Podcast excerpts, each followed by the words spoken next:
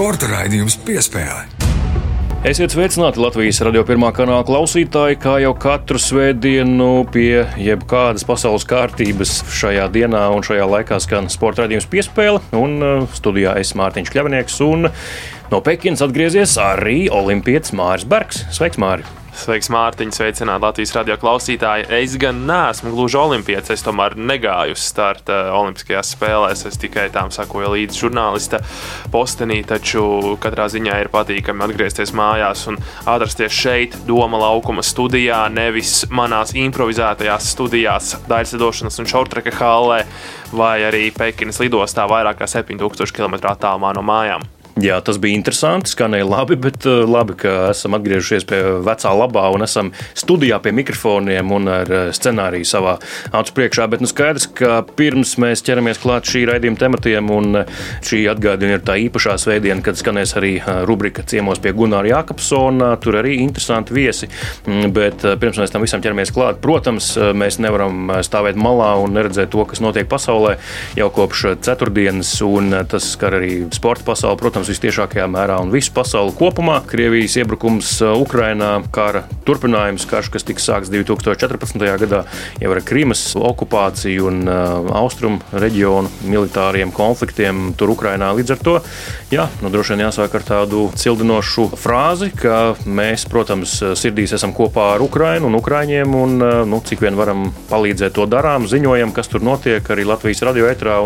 Es jau arī vismaz ceturtdien noziedoju naudu Ukrainai jau ceturtdien tika savākts aptuveni pusmiljons um, eiro uh, ziedojumos Ukrainai. Tā kā, ja variet darīt to Slavu Ukrainai, slavu varoņiem. Jā, es arī izmantoju šo iespēju noziedot līdzekļus Ukraiņas tautai šajā grūtajā brīdī. Skaidrs, ka mēs visi esam ar Ukraiņas tautu cīņā pret acīm redzamu pārspēku, pret lielāku armiju, droši vien arī labāk aprīkotu armiju. Taču cerams, ka Ukraiņi spēs noturēties pēc iespējas ilgāk un arī sagādās krieviem krietni galvas sāpes. Bet raidījumā, protams, nedēļas sporta apskats, spilgtāko notikumu apskats. Un, nu, jāsaka tā, ka ar ko gan citu mēs varam sākt, ja ne ar Aļonu Stapenko.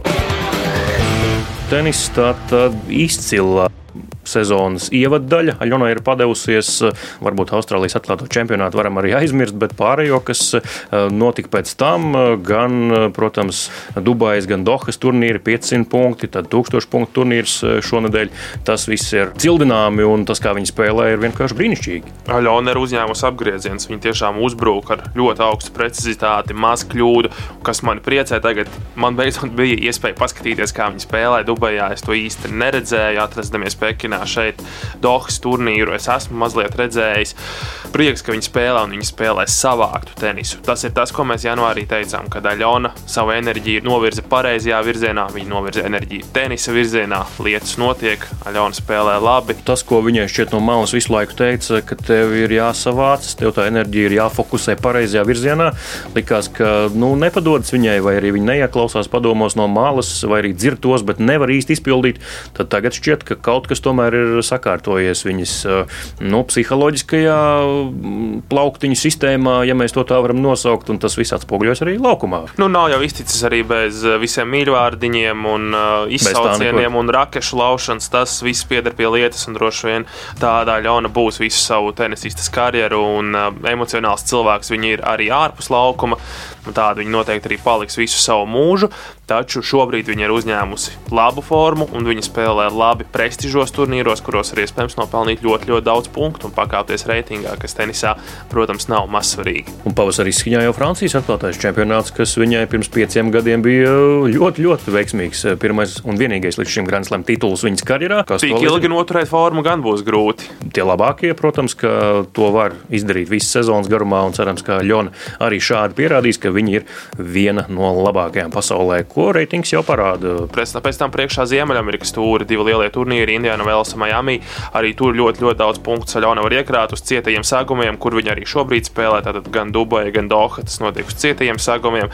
Tas pats būs arī Ziemeļamerikā. Viņa ir uzņēmusi labu tempu tieši uz šī saguma. Vēl viena dāma, ko apbrīnot un kuras rezultātiem sekot līdzi, to darījām jau Pekinas Ziemas Olimpiskajās spēlēs distanču slēpotāja Patricija Eiduka šonadēļ izcīnīja sudraba medaļu pasaules junioru un arī U23 čempionātā distanču slēpošanā 10 km distancē klasiskajā stilā. Tas, ko Latvija vēl nekad nebija paveikusi. Jā, Latvijai pirmā godalga pasaules čempionātos distanču slēpošanā, un galu galā Patricija vēl divus kilometrus, 2,2 vai 2,3 km, kad tur bija tas starpfinišs viņa bija vadībā. Viņa vēl bija pāris sekundes priekšā savām tuvākajām konkurentēm, taču beigu beigās konkurentes tomēr pēdējos divus kilometrus mazliet, mazliet ātrāk spēja noslēpot, un eh, Patricijā jāsamierinās ar sudraba medaļu, kas tik un tā ir ļoti augsts sasniegums. Eh, nebija sasniegums gan viņas pašas karjerā, gan arī visā eh, Latvijas distanču slēpošanā, un kā viņa pati izteicās, tad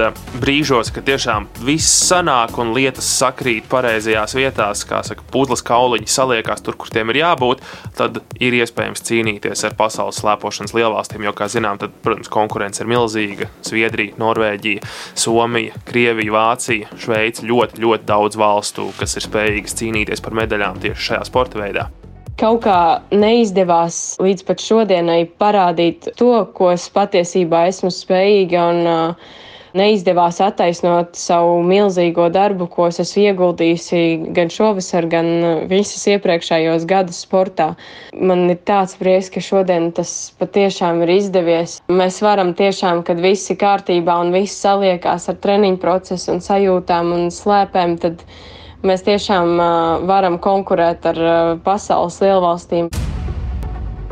Patricija tā tad ir viena no savas uh, paudzes, jaunās paudzes lepotāju labākajām pārstāvjiem pasaulē. Un Patricija katrā ziņā nav tālu, jebkurā gadījumā arī pieaugušo konkurencē cīnoties ar visām, visām labākajām Pekinā šajā pašā disciplīnā 23. vietā un atceroties, ka Pekinā visas šīs blakus lietas ar Covid uh, testiem, ar to, ka nav atļauts trenēties normāli un visām šīm lietām. Katrā ziņā tas ir atzīstams rezultāts. Jā, par Patriciju Eiduku un uh, dažām aizkulisēm šodien Pekinas Ziemas Olimpiskajās spēlēs noteikti raidījuma turpinājumā būs ļoti interesanta saruna ar cilvēku, kurš zina, kas notika aizkulisēs un eh, kurš to visu redzēja no mm, virtuves iekšpuses. Bet eh, dodamies tālāk topā un Pauls Jonas grasījās sākt sezonu Lielbritānijā, bet tur vētra un pašam Paulam Jonasam plauksts operācija. Nu, neveicās viņam ar tiem savainojumiem, lai gan šoreiz tas nav nopietns un neizsitīs viņu no ierīnas uz ilgu laiku. Jā, nu ar pašu Paulu arī aprunājos. Viņam arī jautāju, vai šī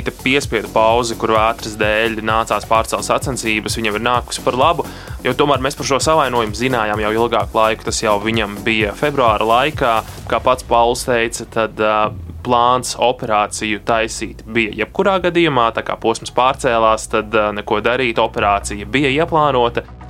Bija aizbraucis atkal pie doktora pārbaudīties, un uh, bija izveidojušies tā saucamie kristāliņi tur. Un, tad jā, bez operācijas tur nevarēja tikt no tā vaļā. Tā kā atlapšana ir apmēram 10 dienas, bet uh, dēļ vētras Anglijā posmu pārcēla nedēļu vēlāk. Kopā ar komandu nolēmām tomēr taisīt operāciju tāpat tās pirmdienā.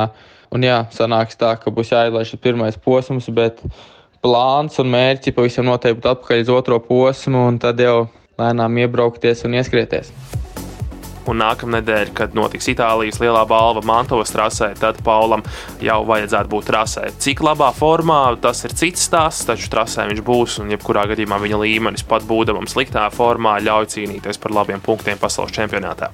Traumas tas nav kā traumas, piemēram, Kristapam Porziņam, basketbolā vai mazākam kontaktu sporta veidam traumas, bet motokrosā tā ir ikdiena. Locītava ir tāda švaka vieta, jo tur vai nu ir jāturās pie rokturiem un jāspēj sajūgs un bremzes, vai nu ir jādod ručkā, kā saka mm. motokrosā, jā, jāgriež gāzes rokturis.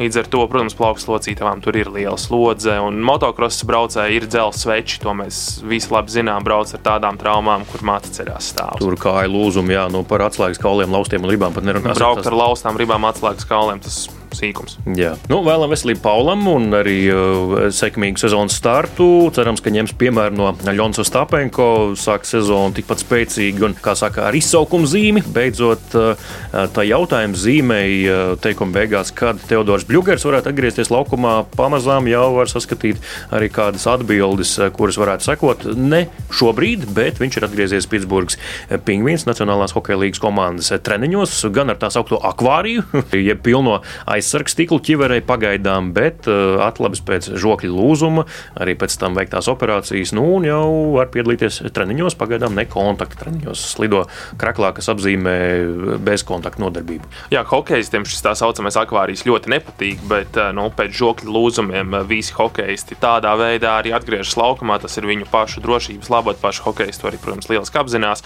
Teodors tad arī intervijā vietējiem mēdījiem arī ir izteicies, ka no nu, tā pirmā nedēļa, pirmās divas nedēļas ir bijušas visgrūtākās. Pats īsti nav zinājis, ko gaidīt, bet komandā gan vairākiem spēlētājiem jau iepriekš ir bijis tieši žokļu lūzums. Tad uh, pārējie komandas puiši ir pastāstījuši, kas nu tagad notiks, palīdzējuši ir arī ar uh, ēdienu, jo, zinām, tad uh, pēc žokļa lūzuma nav iespējams košrāt un ēst ēdienu, kas ir cietā formā vai kuru vismaz ir nepieciešams sakošļāt. Līdz ar to viņam ir nēsti šie saucamie smūtiji, jeb ēdienas šķidrā formā. Nu, traumas gan neatstāja Latvijas hokeistus. Ja Rudolfs Balcers spēlē, tad Zemgus Girgensons un nu, jau arī šonadēļ Ausmers Ļīkins ir ievietots savienoto spēlētāju sarakstā. Līdz ar to tāda saraustīta sezona principā visiem četriem Latvijas NHL hokeistiem, kuri regulāri spēlē.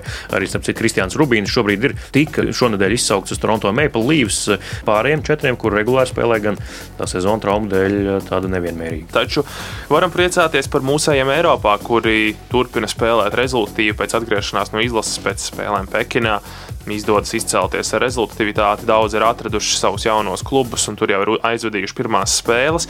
Sezonas turpinājumā apmēram vēl mēnesis, pusotrs.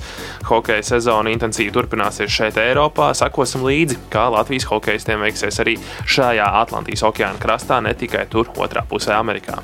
Jā, līdz ar to arī izskan šīs nedēļas svarīgāko sporta notikumu apskats, un uh, raidījuma turpinājumā ķeramies klāt rubrikai, kas ik nedēļas skan sporta raidījumā piespēle. Kas lācītim vēderā?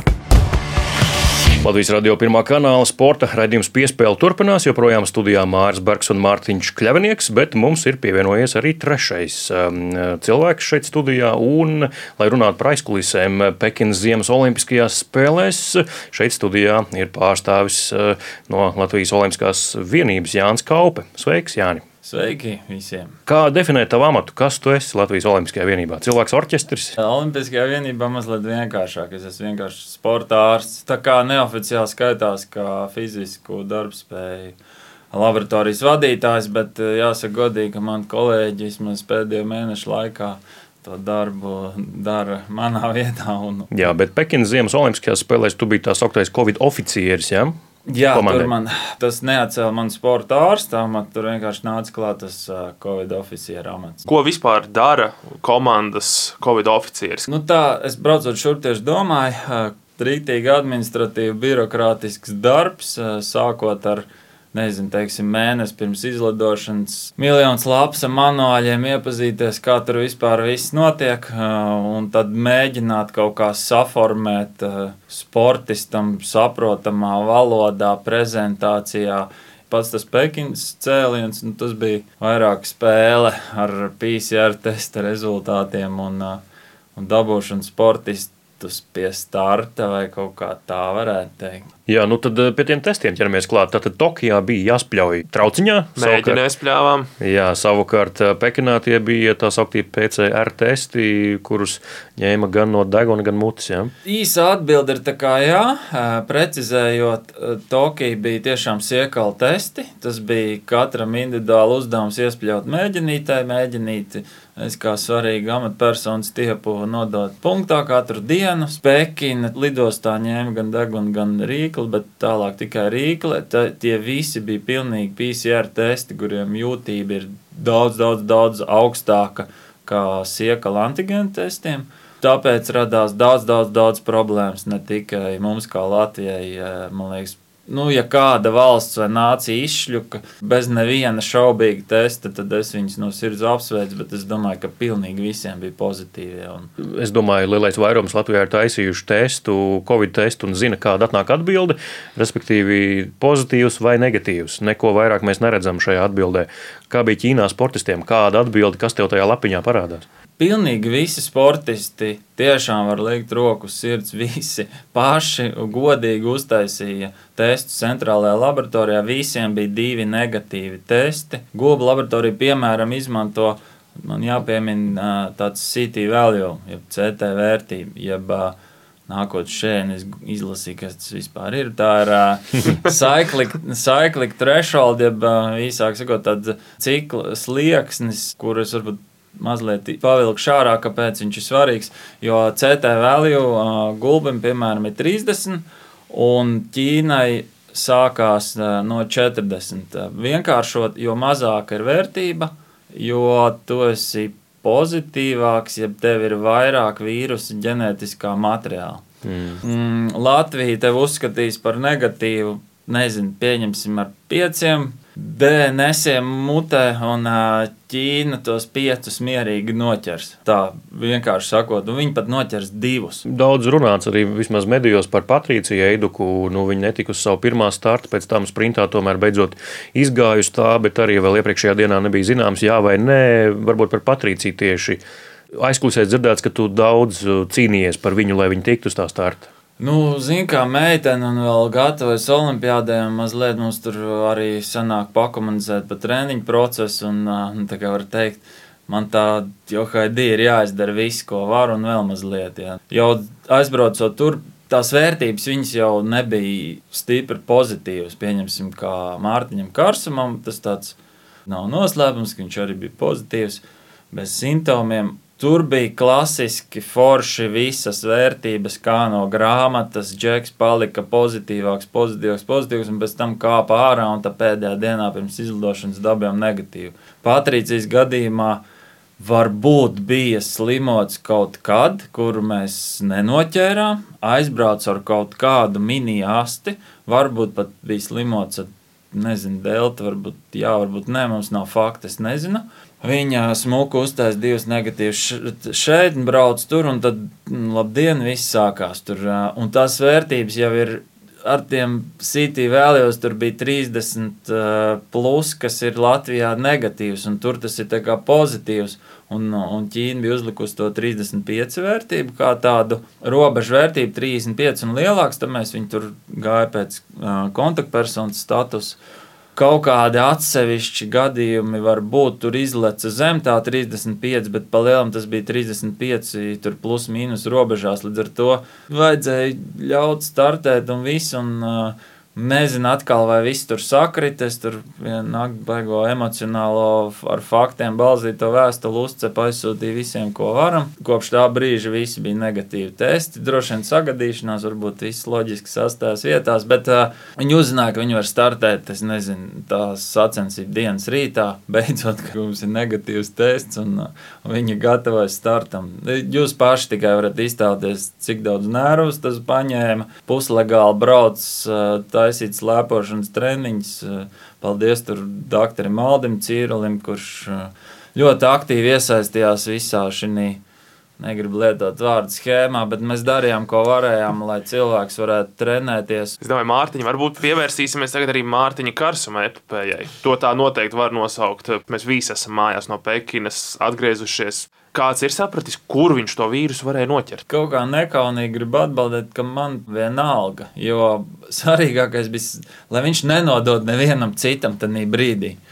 Lidostā, varbūt mājās. Bet es gribēju jautāt, eh, bija varbūt kādi, kuru vārdus, uzvārdus mēs pat uh, medijos nedzirdējām, nelasījām, par kuriem arī bija jācīnās, vai kur bija tādi dīvaini gadījumi. Sākām ar uh, Patricijas brāli uzreiz aizlidojām. Jā, arī absolūti neskaidrs gadījums. Viņš nebija slimojis, vismaz viņš nezināja, ka būtu slimojis kaut kad te Latvijā. Tāpat divi atkal negatīvi testi izlidot, visi forši aizbrauc tur. Nu, likās pēc tiem testiem un CT values, ka tā ir reāla infekcija. Gribētu teikt, ka viņš un karsums manās acīs izskatījās pēc reālas infekcijas. Pārējie visi bija, jā, varbūt, bet viņi nebija ne infekciozi, ne kaut kas tur. Tu kā sporta ārsts, ko tu vari teikt? Mēs daudz aprunājām Mārtiņu Karsumu, bet nedēļu sēdēt bez siltā ēdiena, četrās sienās, ko tas vispār atlētām var nodarīt? Es varu pateikt, ka Mārtiņš ir reāli pozitīvs un, uh, un labsirdīgs džeks.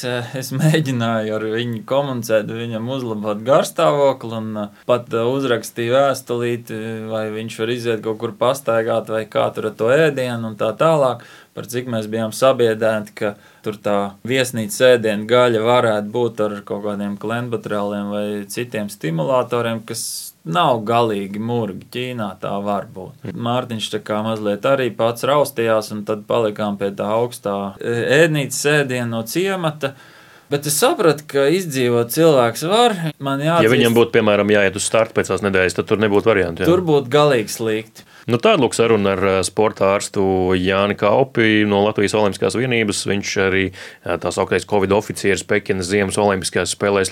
Jāni, un es domāju, ka tev nav jāmeklē pēc atbildes kabatā, vai tu vēlies vai nevēlies vēl vienas šādas Covid spēles. Es domāju, ka jūs jautājat, vai es nevēlos būt Covid oficieris arī nākamajā. to mēs arī varam pārējāt Jānu gadījumā, kas Jā, gadījumā. es zinu, ka es negribu. Bet labā ziņa tāda, atkal manas subjektīvās domas, ka tas vairs nebūs aktuāli. Varbūt būs kaut kāds cits higiēnas, jo tas viss tā kā aiziet tīri nekas, ka tev ir viens cilvēks, kuram var močīt dokumentus un visu tādas lietas. Bet es domāju, ka Covid oficiāla amats vairs īsti aktuāls nebūs nākamajās spēlēs. Kā latviešu sakot, turēsim īkšķus, jo neviens no mums eh, to vairs nevēlas pieredzēt. Ne mēs ar tāli, tur būdam uz vietas divās Covid spēlēs, ne sportisti, ne arī jūs Domā, kā personāls. Gan. Mēs jau ar Sandu Prūsu strādājam kopā. Viņš saka, šobrīd ir tā, ka Covid pa priekšu un tas sports kaut kur tur aizmugurē fonā. Nu, tā ir, diemžēl. Es ceru, ka tas drīz beigsies. Sporta raidījums piespēlē. Studijā Mārcis Bergs un Mārtiņš Kļavinieks. Un uh, olimpiskais temats arī pēc sarunas ar Jānu Kaupi caurvīs uh, raidījuma otro daļu. Ciemos pie Gunāra Jākapsona tūliņ dosimies, un pie viņa durvīm šonadēļ pieklauvējuši divi cilvēki, kas saistīti ar kamniņu sportu. Ciemos pie Gunāra Jākapsona. Februāris tuvojas savam finišam.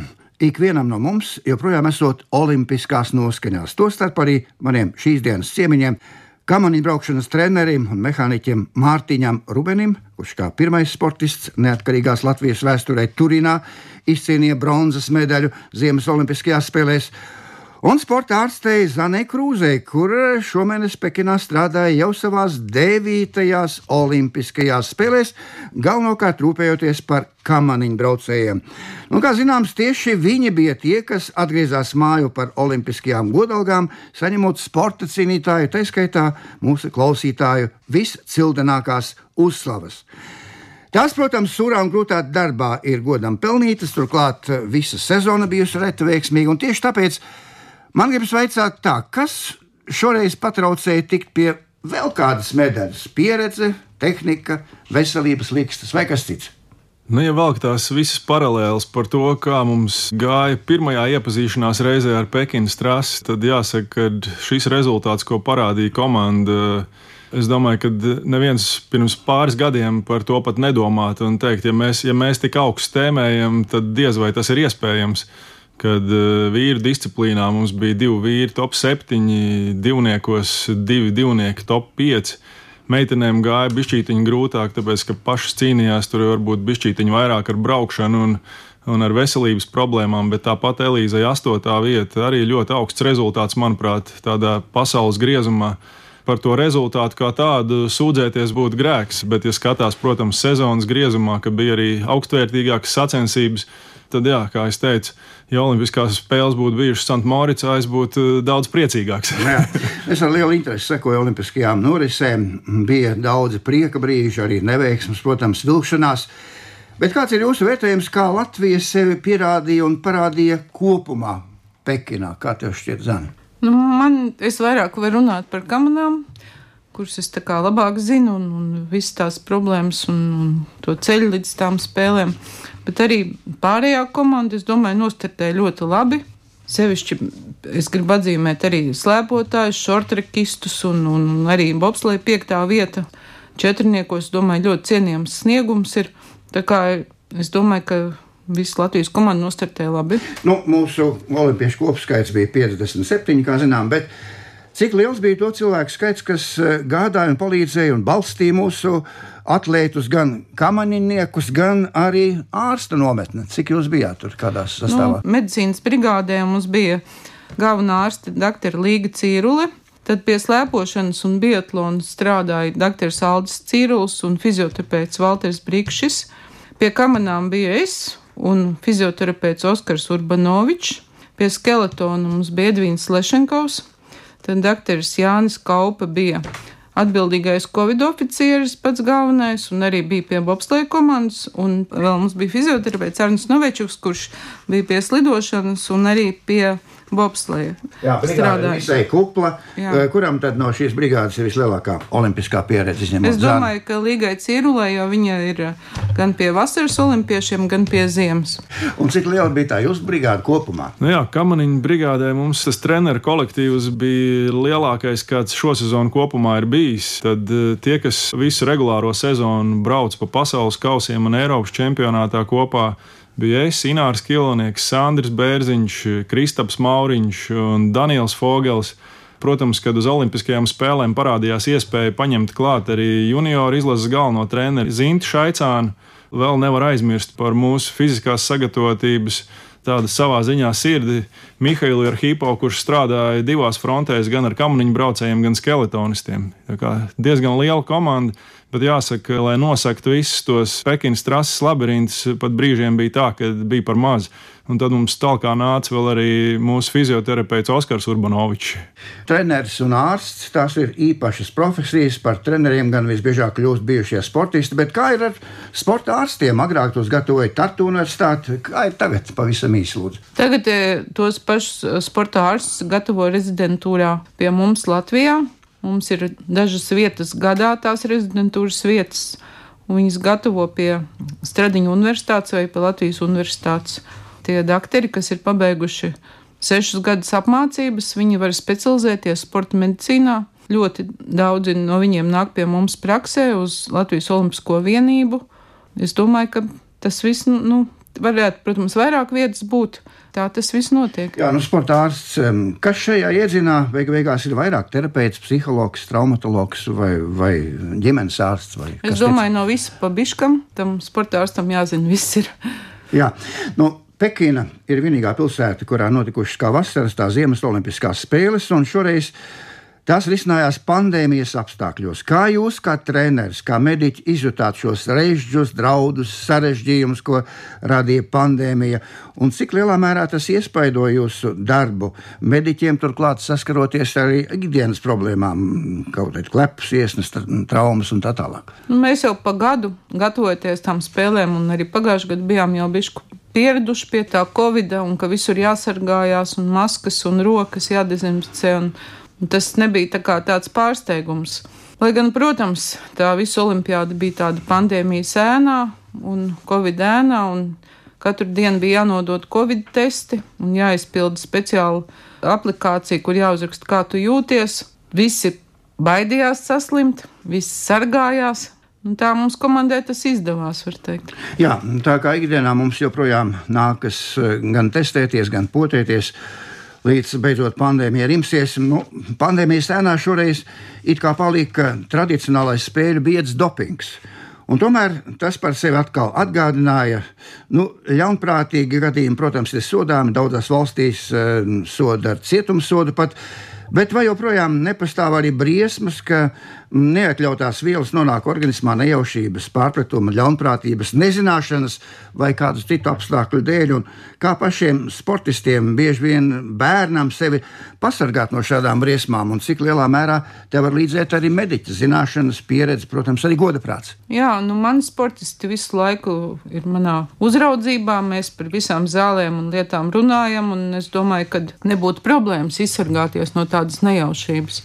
Mazi bērni arī apmeklēs ģimenes ārstus, sporta ārstus un var konsultēties. Un jau es domāju, ka, ja cilvēks grib, tad to visu var izdarīt. Bet Pekinā it kā veiksmīgi šai ziņā tikāt galā. Nu, manuprāt, ka jā, nu, pāris tādi interesanti brīdinājumi bija pirms braukšanas uz spēlēm.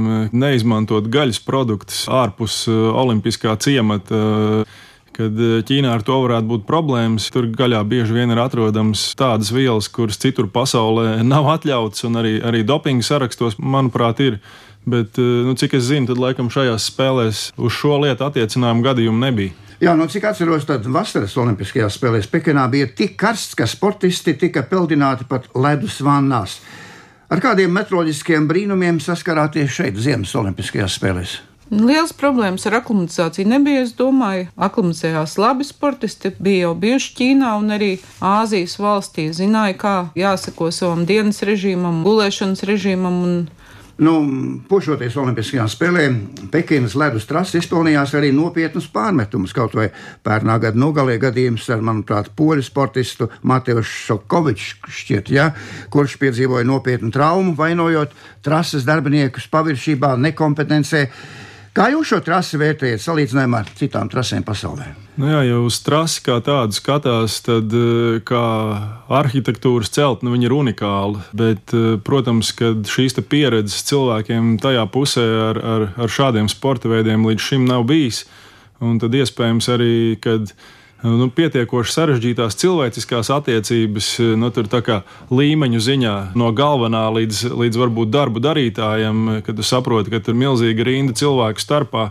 Un tā kā cilvēki, kam ir nolikts darīt kaut kādu konkrētu darbu, baidās soli pa labi vai pa kreisi spērt, tad šis gadījums ar, ar Mateju Sokoviču, jā, tas bija tiešām nelaimes gadījums, un to nepamanīja cauri varbūt cilvēks, kas iedeva trasi brīvi, kamēr vēl no trases nebija izcelts palīgbords kas nosedz otrās un trešās virāžas pārēju no vīru starta. Un šis sportists eh, labi pamanīja šo aizsargu barjeru un, un mēģināja celties kā, kājās un lekt viņai pāri. Citādi viņš ar kaut kādiem pāri pa 60 km/h vienkārši būtu iebraucis dzelzceļa sienā. Nu, kā zināms, trasi sagatavoja aprūpē arī mūsu tautieši.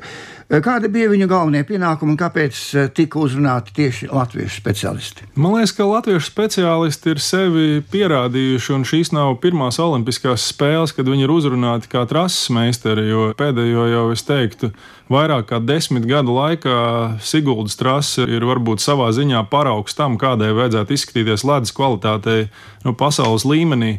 Un arī uzbūvējot šo papildus jumtu, šī ledus kvalitāte ik, ik gadu kļūst ar vien labāku un labāku. Un, un šo speciālistu arī kļūst vairāk, un, un jauni puiši nāk klāt un iemācās. Un, un līdz ar to es saprotu, ka arī starptautiskajām federācijām ir interese šos labos ledus apstākļus veidot arī citās trasēs pasaulē, un līdz ar to arī daļa no mūsu puišiem tiek aicināti palīdzēt šajā ziņā. Protams, tā ir internacionāla komanda. Tas nav tā, ka latvieši aizbrauc un visu uztaisīja.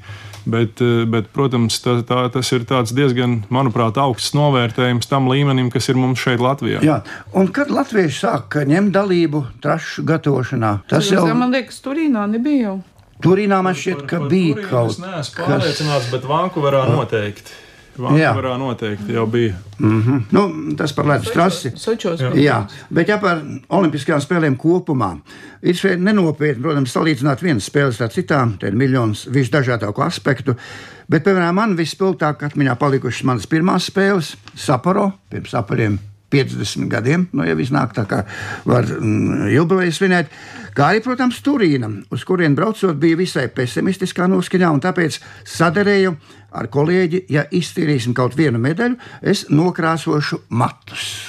Uz tādas smaidīgām.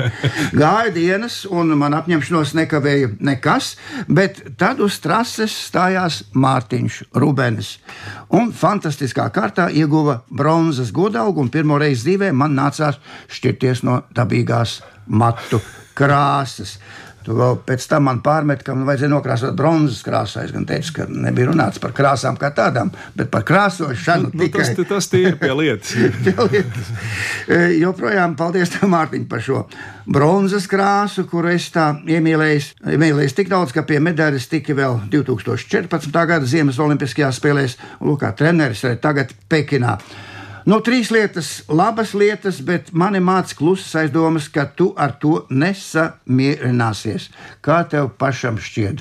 Kādas ir mūsu olimpiskās rezerves un ar kādām cerībām mēs varam raudzīties uz nākamajām olimpiskajām spēlēm? Nu, man liekas, ka mums ir izveidojusies ļoti laba un savā ziņā arī jauna komanda. Un visi šie jaunie atlēti, kas ir ienākuši mūsu komandā, skatoties arī uz mūsu, mūsu pieredzējušo atlētu sniegumu un, un attieksmi tieši darba ziņā, ka viņiem tas ir laba motivācija, eh, redzot to, ka viņi ir spējīgi ķert ciet un pat, eh, pat reizēm būt priekšā pieredzējušākiem atlētiem mūsu komandā, tad gribās ticēt, ka tas vairos tādu iespēju mūsu komandas izaugsmai. Un kad šis ir tikai sākums. Daudziem tās bija pirmās spēles, kādam otrās. Bet uh, parasti, ja tā, ja tā skatās, ir daži brīnumbērni, kas pirmajās spēlēs uzreiz paņem un aizbrauc pēc medaļas.